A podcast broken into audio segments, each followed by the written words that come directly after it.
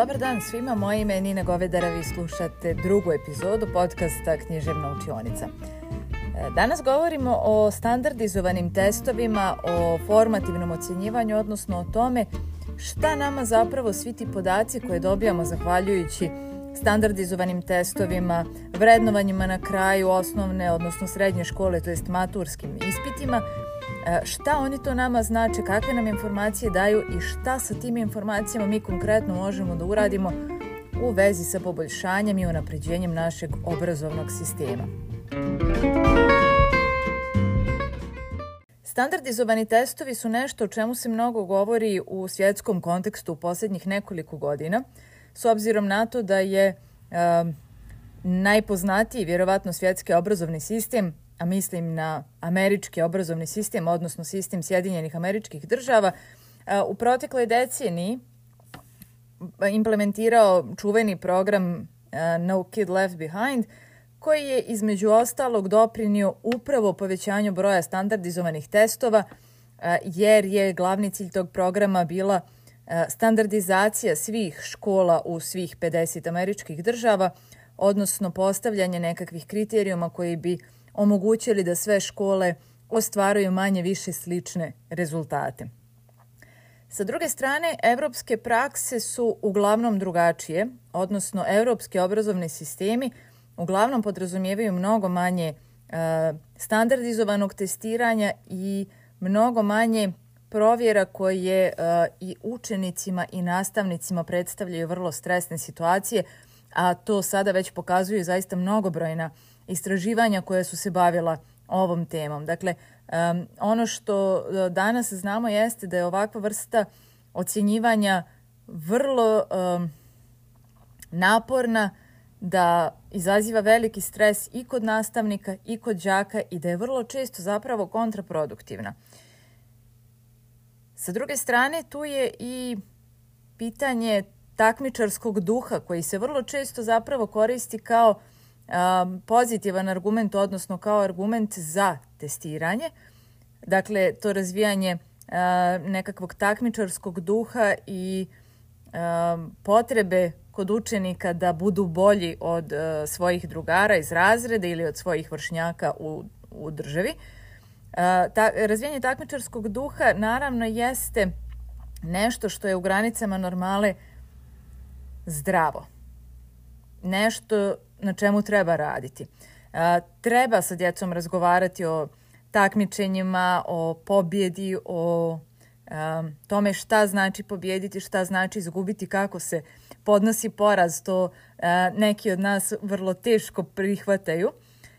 Dakle, treba o tome razgovarati sa djecom. Treba kod djeci podsticati neki zdrav takmičarski duh u smislu da imaju osjećaj da pripadaju nekoj zajednici, i da unutar te zajednice, dakle, svako od njih uh, je u nečemu bolji od drugih. Dakle, neko je prosto nadaren za matematiku, neko je nadaren za fiziku, neko je nadaren za društvene nauke, neko za humanističke, neko lijepo crta, neko lijepo pjeva. A, I na kraju krajeva nije sve pitanje samo dara i talenta. Neki učenici su zainteresovani za jednu ili drugu oblast, više joj se posvećuju, više se bave njome, više vremena provode istražujući i samim tim naravno posjeduju veća znanja o recimo istoriji od svojih vršnjaka. I bez obzira na to šta su objektivni školski zadaci. Dakle, to treba, treba pokazati đacima da vidite taj njihov i dar sa jedne strane, ali posebno naravno trud i zalaganje ukoliko su u pitanju neka znanja koja im nisu programom nametnuta, nego su dakle proizvod nekih njihovih ličnih istraživanja i nekih njihovih ličnih interesovanja i u tom smislu se gradi zdrav takmičarski duh. Dakle, prosto stvoriti jednu zdravu sredinu u kojoj a, svako od učenika ima svijest o tome šta je to a, polje u kome je on posebno dobar, a, gdje ima mjesta za napredak, gdje je prosto zbog sobstvene nezainteresovanosti, odnosno neke možda indiferentnosti prema onome što je predmet proučavanja prosto slabiji od ostalih i e, svjestan toga da dakle to nije pitanje ni nemogućnosti, niti nesposobnosti, nego prosto njegove lične odluke da se određenom materijom ne bavi dovoljno da bi bio u nekom rangu prosjeka, odnosno da bi bio na nivou na kom je većina. E, kako ovome doprinose standardizovani testovi? Pa vrlo slabo ili nikako. Dakle, ono što je najveći problem, a, pored ovog pritiska koji sam spomenula na početku, koji standardizovani testovi izazivaju kod nastavnika i kod e, učenika, drugi problem je e, objektivizacija đaka koju mi zapravo sprovodimo e, velikim brojem standardizovanih testova. Dakle, svaka vrsta provjere koja je u, u formi testa, odnosno koja uh, učenicima, pred učenike stavlja takve izazove, takvu vrstu zadataka i pitanja na koja mogu da odgovore samo na jedan način. Dakle, postoji vrlo uh, očigledan, tačan odgovor. Nisu, dakle, pitanja otvorenog tipa, nisu pitanja kreativnog tipa, je zapravo standardizovani test. Dakle, ne mislim samo na, na testove koji se odnose na eksternu evaluaciju ili na uh, testove u okviru maturskih ispita. Standardizovani testovi uh, mogu da budu i kontrolni zadaci iz pravopisa.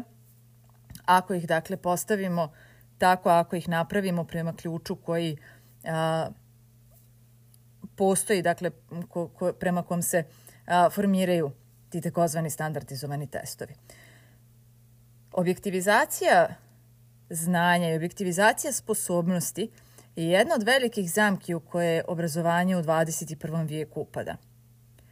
Govorili smo na eh, jednom od postova na, na eh, Instagramu i linkovaću ga dole u opisu eh, epizode, linkovaću sve ono što budem spomenula, Govorili smo o tome da je e, današnji sistem obrazovanja zapravo proizvod industrializacije krajem 19. vijeka i da e, mnogi obrazci koji su tada bili poželjni i koji su e, zapravo bili vrlo korisni u obrazovanju i stvaranju velikih radničkih masa i dakle stvaranju same radničke klase danas potpuno nefunkcionalni. Da nam znanja, vještine i sposobnosti – koje je jedan radnik trebalo da posjeduje prije stotinu godina ili stotinu pedeset, danas ne znači gotovo ništa ili da su tek jedan mali dio znanja i sposobnosti koje jedan mlad čovjek treba da posjeduje danas 2021. godine. U skladu sa tim testiranje bi trebalo, dakle svaka vrsta provjere znanja u školi, trebalo bi mnogo više da se oslanja na to šta učenici sa tim znanjem koje posjeduju mogu da urade, odnosno da li umiju to znanje da upotrijebe u datom trenutku na odgovarajući način, koliko su kreativni sa tim znanjem koje posjeduju, da li mogu jednu te istu činjenicu, jednu te istu informaciju da upotrijebe više puta u više različitih situacija na više različitih načina, umiju li kritički da promišljaju, umiju li da čitaju između redova, umiju li da primijene znanje iz jedne oblasti u nekoj drugoj oblasti.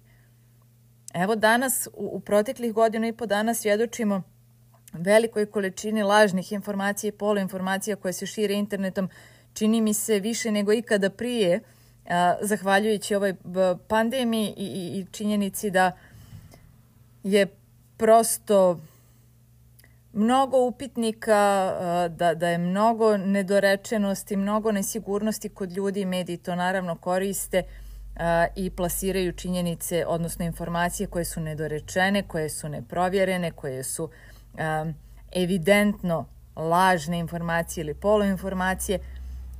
Nama je danas mnogo bitnije da, da provjerimo da li naši đaci umiju da pročitaju informaciju kako treba – nego da li mogu da zapamte od riječi do riječi neku definiciju. Ako im zatreba u životu definicije, naći će je na Google u roku od doslovno nekoliko sekundi. Ali će im ta definicija vrlo rijetko u životu trebati. Ali će im trebati da mogu da primijene to što vi od njih tražite, da definišu u e, neke praktične svrhe, u nekoj praktičnoj situaciji u kojoj će se u životu naći.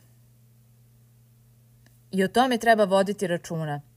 Dakle, standardizovani testovi jesu zgodni, uslovno rečeno, u smislu da a, procjenjuju vrlo širok spektar znanja, vrlo širok spektar sposobnosti na prilično jednostavan i čist, opet uslovno rečeno, način na jednom vrlo širokom prostoru. Dakle, ako nam treba da procijenimo da li su uh, škole na sjeveru i jugu države u, u istom ili sličnom rangu kada su u pitanju učenička postignuća, najjednostavniji način da to provjerite jeste naravno standardizovani test.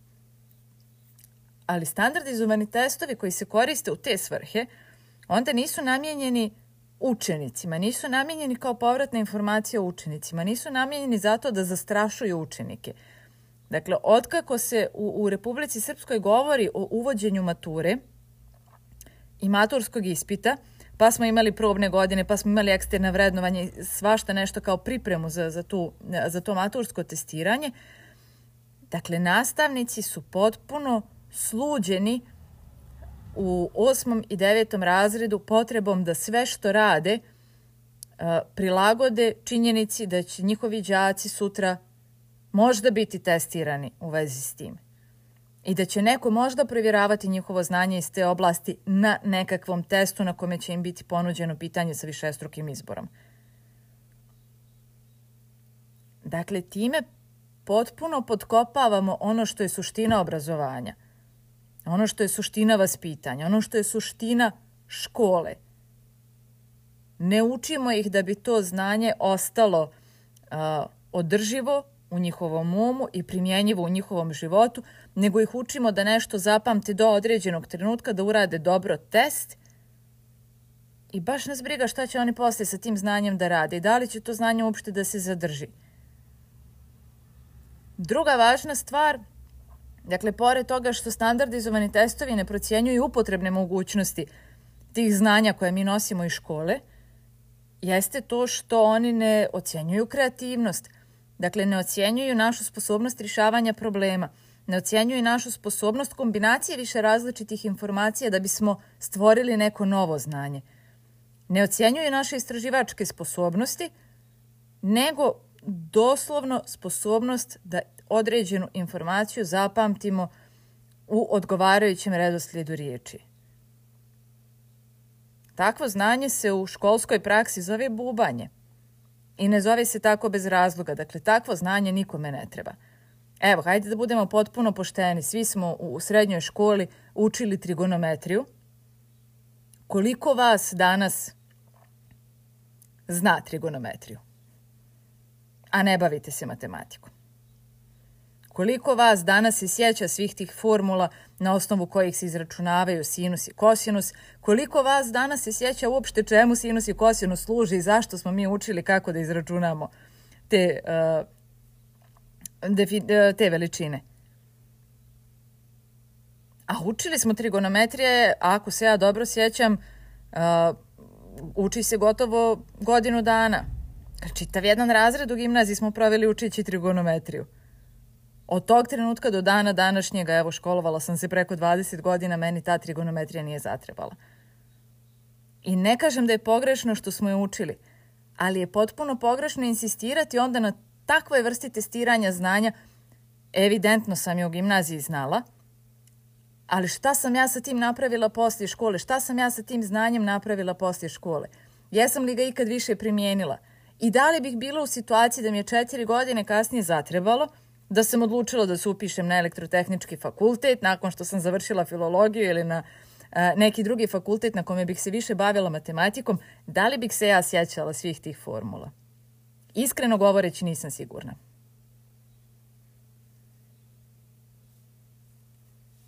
S obzirom na to da je jedno od, jedno od najljepših rečenica u vezi sa nastavnim procesom koji sam ja čula od svoje profesorice, da je ocjenjivanje afirmacija znanja.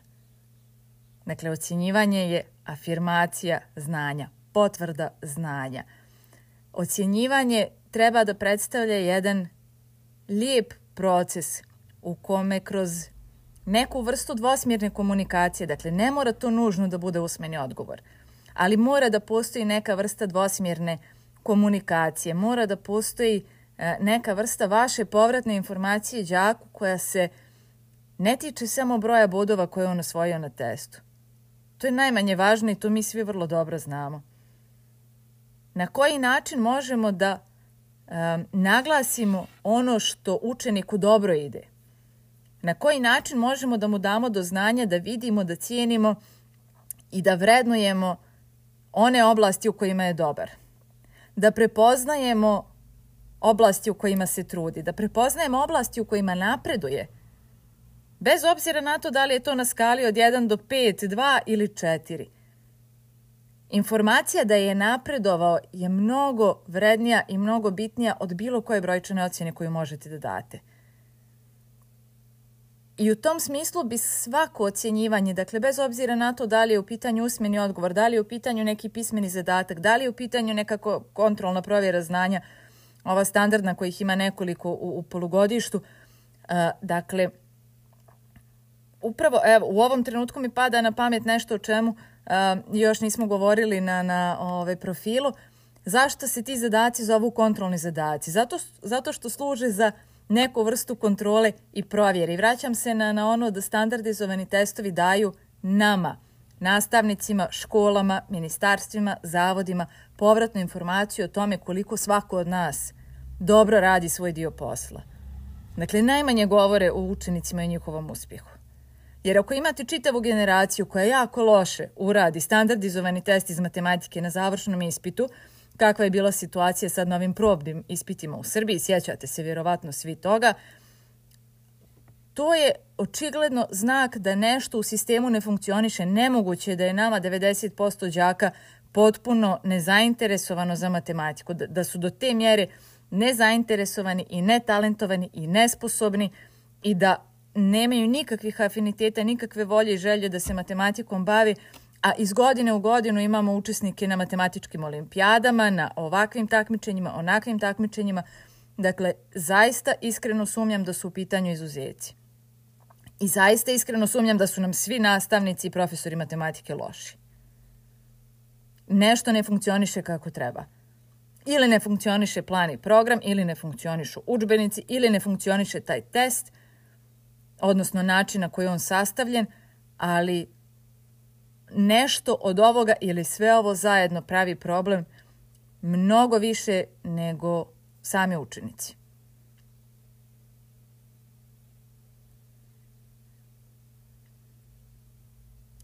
Ako kažemo da je ocjenjivanje afirmacija znanja, to dalje znači da osim što ćete učenicima potvrditi da vidite njihov napredak i da vidite gdje se oni to muče ili šta je ono što im ne ide od ruke, šta su oblasti koje im nisu interesantne i u kojima prosto ne mogu da napreduju zato što suštinski ne žele da napreduju. Postoji još jedna bitna razlika između toga da standardizovane testove koristimo da bismo učenike ubili u pojem i da bismo im pokazali da ništa ne rade i da bismo ih toliko navikli na, na loše ocjene da oni potpuno, uh, ovo će grubo zvučati, ali otupe, oguglaju na to. Dakle, vi to znate jako dobro. U našim učionicama danas jedi veliki, veliki broj đaka koji je potpuno indiferentan prema lošim ocjenama. Koje vi više ne možete da motivišete na taj način. Niti da ih uh, prepadnete, uslovno rečeno, da, da ih na neki način pokrenete, odnosno da, da ih privolite – da se pokrenu, da rade više, da rade bolje, da rade pametnije, da bolje koriste svoje vrijeme, da se pozabave tim školskim gradivom. Većina učenika koji imaju loš uspjeh su tako indiferentni prema toj činjenici i toliko im je sve jedno. I postoji gomila razloga zašto je to tako. Naravno, nisu krivi samo testovi, nije kriva samo činjenica da su navikli na konstantno loše rezultate. Ali I ta činjenica igra svoju ulogu. Kad biste im umjesto jedinice svaki put rekli šta je to gdje su se oni možda, gdje su pokazali neki napredak ili šta je to konkretno na čemu bi trebalo da rade. Hajde da, da naučiš ovu jednu konkretnu stvar. Hajde da razmisliš o ovom jednom konkretnom problemu. Hajde da vidimo kako ove informacije možeš da iskoristiš u ovom kontekstu. Pa da napraviš neki projekat, da neki problem konkretno riješiš, da nešto pokažeš na nekom primjeru, dakle da iskoristimo neku uh, situaciju životnu da na njoj primijenimo gradivo i da na taj način učeniku damo samopouzdanje. Nismo roboti, ne učimo svi na isti način, dakle ne usvajamo znanje, ne usvajamo informacije i na kraju krajeva nismo svi jednako dobri u svim načinima iskazivanja i validacije tih svojih znanja. I to je još jedan od razloga zašto standardizovani testovi nipošto ne smiju da budu, odnosno testovi uopšte, ne smiju da budu jedini način za procjenu ili najdominantniji način za procjenu učeničkog znanja, zato što neki učenici prosto mnogo lakše, mnogo bolje, mnogo sigurnije mogu da pokažu svoje znanje u usmenoj formi. Neki učenici imaju problem sa tim papirom koji se nalazi ispred njih, ograničava ih ta pisana forma, posebno ako je uh, specifičan tip pitanja dat na tom testu. Dakle, neki učenici imaju ozbiljnih problema sa tim. Jednako kao što neki učenici imaju problema sa javnim nastupom i imaju veliku tremu pred usmeni odgovor, pa je njima mnogo draže kad im date komad papira i pustite ih da na njemu ispišu ono što znaju. Dakle, i to treba uzeti u obzir. Prosto, uh, ja jesam zato da, da se trudimo da izjednačimo negdje te njihove sposobnosti i afinitete i da ove sa problemom sa javnim nastupom oslobađamo te treme i da ih učimo nekim trikovima i nekim uh, možda olakšicama koje će im pomoći da, da savladaju taj svoj strah i sa druge strane da ove koji imaju problem sa uh, pisanom formom i sa pisanim izrazom oslobađamo a, negdje tog tereta i tog, tog straha, ali koliko god se mi trudili i dalje ostaje činjenica da nismo svi isti i da prosto svako od nas ima taj neki svoj primarni način izražavanja i da je u nečemu posebno dobar i to treba poštovati. I treba pokazati učenicima opet da je i to validan način izražavanja. Zašto da ne? I usmena i pisana forma i izražavanje kroz crteži, kroz bilo kakvu likovnu formu, kroz bilo kakvu materializaciju znanja. To je možda još i po najbolji i najfunkcionalniji pristup, odnosno na taj način neko zaista može da vam pokaže koliko je naučio, jer to traži od njega neku vrstu i praktične primjere, odnosno promjenu medijuma u, u kome će to znanje biti oblikovano.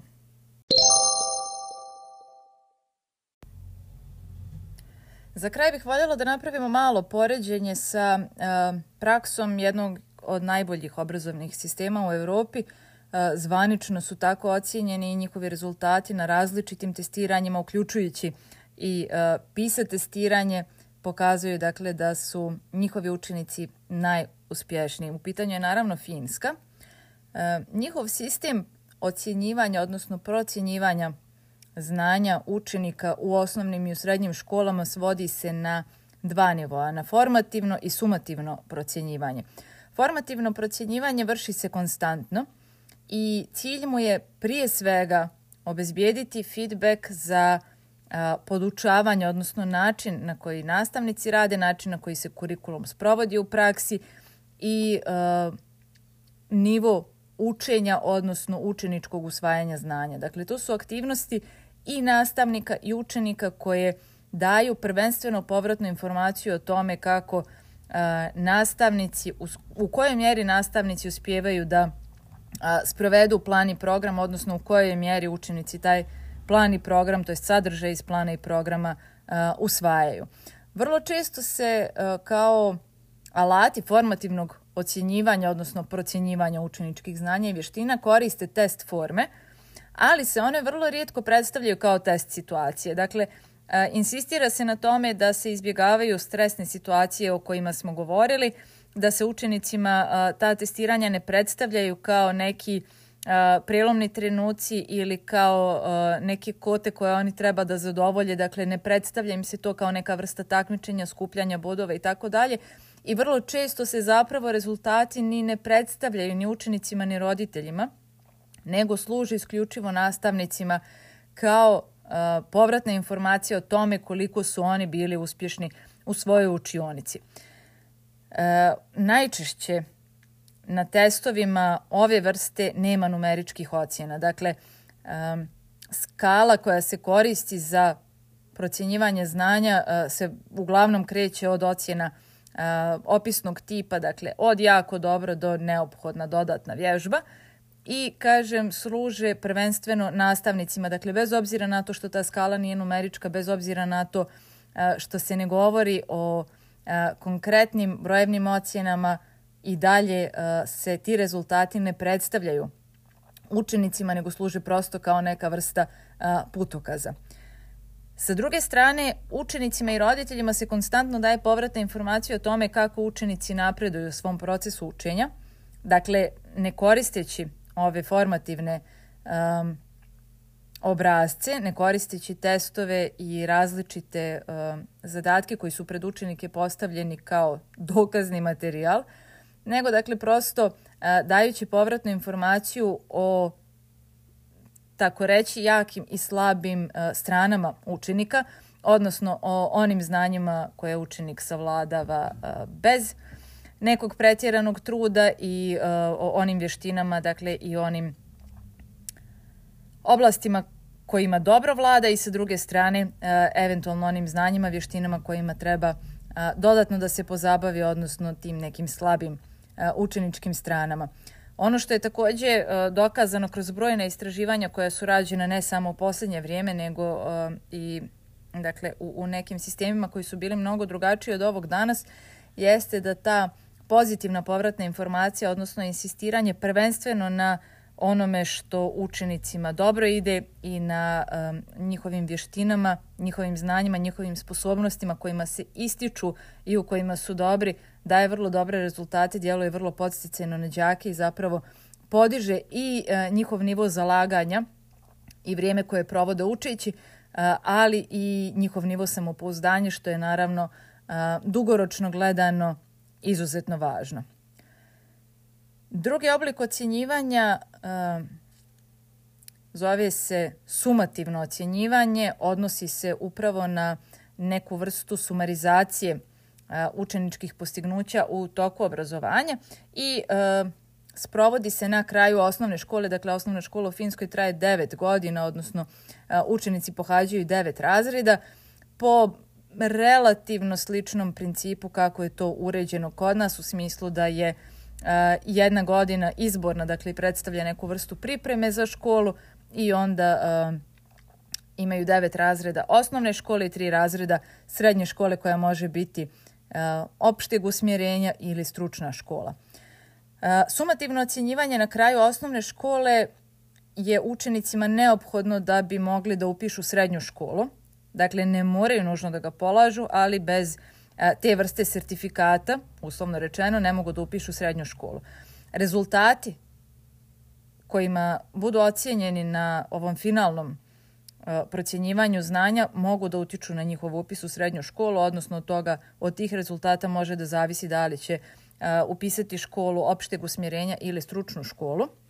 Međutim, ono što je velika razlika u odnosu na našu praksu ocjenjivanja na kraju jednog obrazovnog ciklusa i u odnosu na naše maturske ispite jeste činjenica da učenici ne polažu nikakvu vrstu testa na kraju osnovne škole, nego njihovu ocjenu ovu sumarno, dakle na kraju predstavlja zapravo učenički portfolio koji se sastoji od godišnjih izvještaja svakog od nastavnika za svaki predmet, dakle prati se konstantno učenički napredak, a, i to kako učenik svaki pojedinačno usvaja znanja iz svakog predmeta pojedinačno i dakle osim tih godišnjih izvještaja u portfolio se prilažu i odabrani radovi iz posljednja dva razreda osnovne škole, odnosno iz osmog i devetog razreda, opet kao neka vrsta a, potkrepe i dokaza o učeničkom napretku.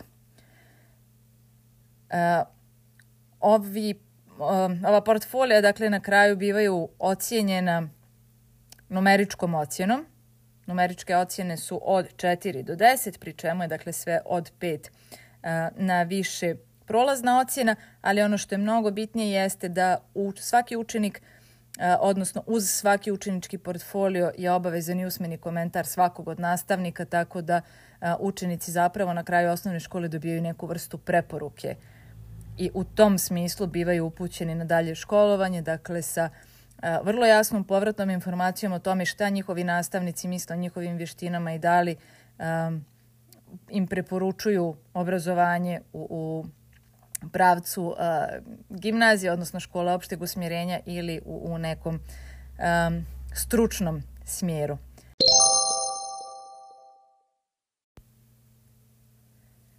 Jedini trenutak u obrazovanju učenika u Finskoj kada oni pristupaju standardizovanom testiranju jeste završetak srednje škole i tada polažu a, nešto što u najvećoj meri liči na naše maturske ispite na kraju srednje škole.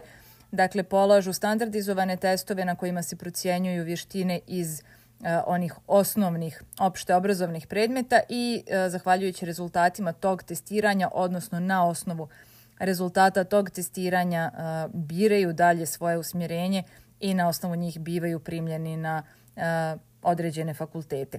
Ovi ispiti mogu biti uh, u takozvani obični i u naprednoj formi, pa u odnosu na to kojoj vrsti ispita učenici pristupe, uh, mogu da biraju i fakultet koji će upisati. Ali dakle, to je uh, prvi trenutak nakon 12 godina obrazovanja kada finski đaci pristupaju ovim standardizovanim testovima. Što nam u suštini sugeriše samo da je finski kurikulum zasnovan na konstantnom davanju povratnih informacija i konstantnoj podršci učenicima zapravo tokom učenja, dakle i učenicima i nastavnicima. Stalno se provjerava nivo međusobnog razumijevanja i fleksibilnost u radu i prilagođenost načina rada onome što su potrebe učenika u datom trenutku.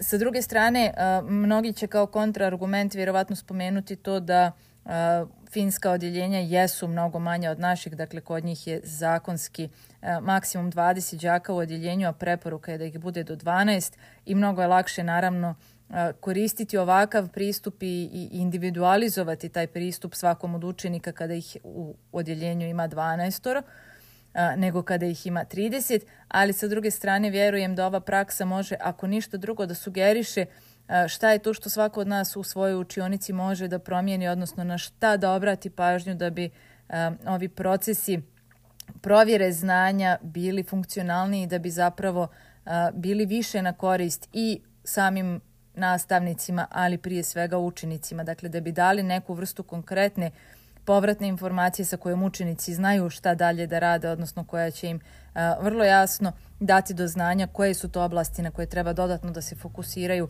a šta su a, znanja i vještine koje su kod njih već cijenjene i a, dakle šta je ono što su njihove jake, a šta je ono što su njihove slabe strane.